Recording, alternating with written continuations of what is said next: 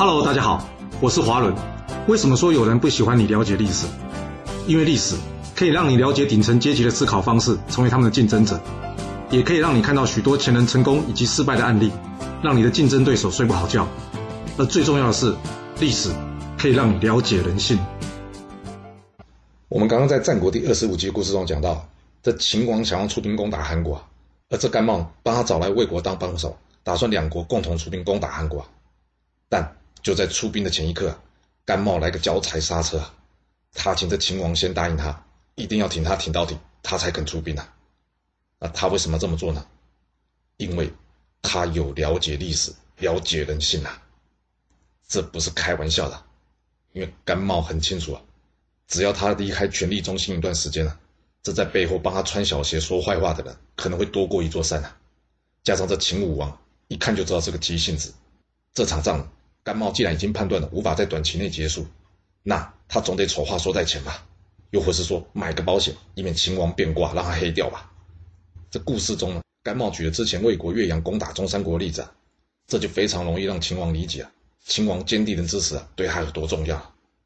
我之前开会的时候啊，老板曾经说过一句话：事前说的叫做理由或是说明，而事后说的全部都是辩解。所以啊，要是有问题啊，一定要事先说。千万不要到最后来个总结啊！嗯，这句话说的真好。要是有机会啊，应该让我这老板啊去帮这些政客上上课的。因为这物价一涨，他就跟你说别的国家通膨通胀也很高啊。啊，那我的薪水涨幅你怎么不拿去跟别的国家比一比啊？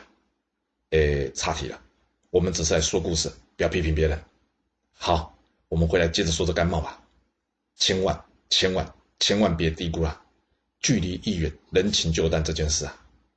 甘茂他就是非常了解这样的人性啊，所以他才会预先请这秦王发誓，然后留下白纸黑字啊。但是写下白纸黑字就没问题了吗？你千万别这么想啊！这违背誓言、违背契约的人啊，从古到今啊，你数都数不清有多少个。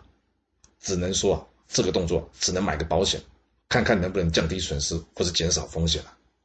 另外就是我们可以反过来想，怎么这些大王、老板、主管的就这么容易听进这些小人的谗言呢？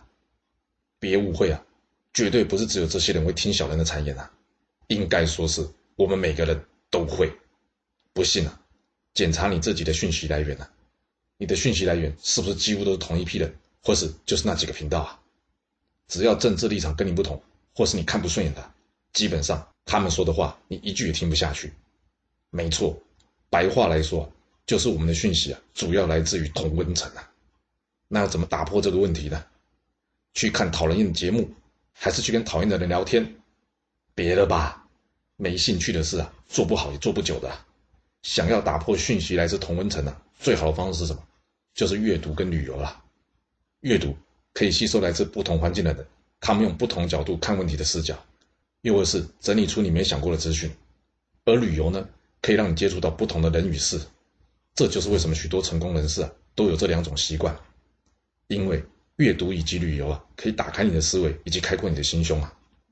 不过要是可以的话，我建议啊，旅游的方式啊，你可以考虑采用自由行的模式啊。因为自由行的时候呢，通常我们必须先进行事前的资讯准备以及途中的状况处理啊。而这些事呢，在跟团的观光旅游中啊，碰到机会会比较少。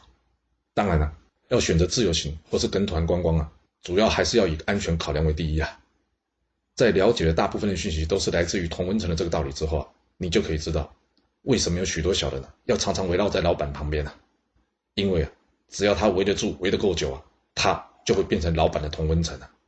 所以下次当你看到有人呢常常出现在老板的身边呢，而这个人呢你又跟他不对盘的时候啊，这时候你就要有被人呢在背后说坏话的心理准备啊。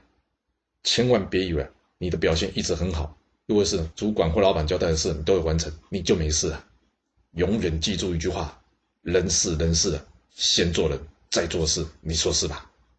若是您有其他想法，也欢迎留言分享你的看法给大家哦。好了，我们今天就先说到这。若是你想要知道完整版的故事内容，欢迎您可以到说明栏中找到我爱故事频道的连结。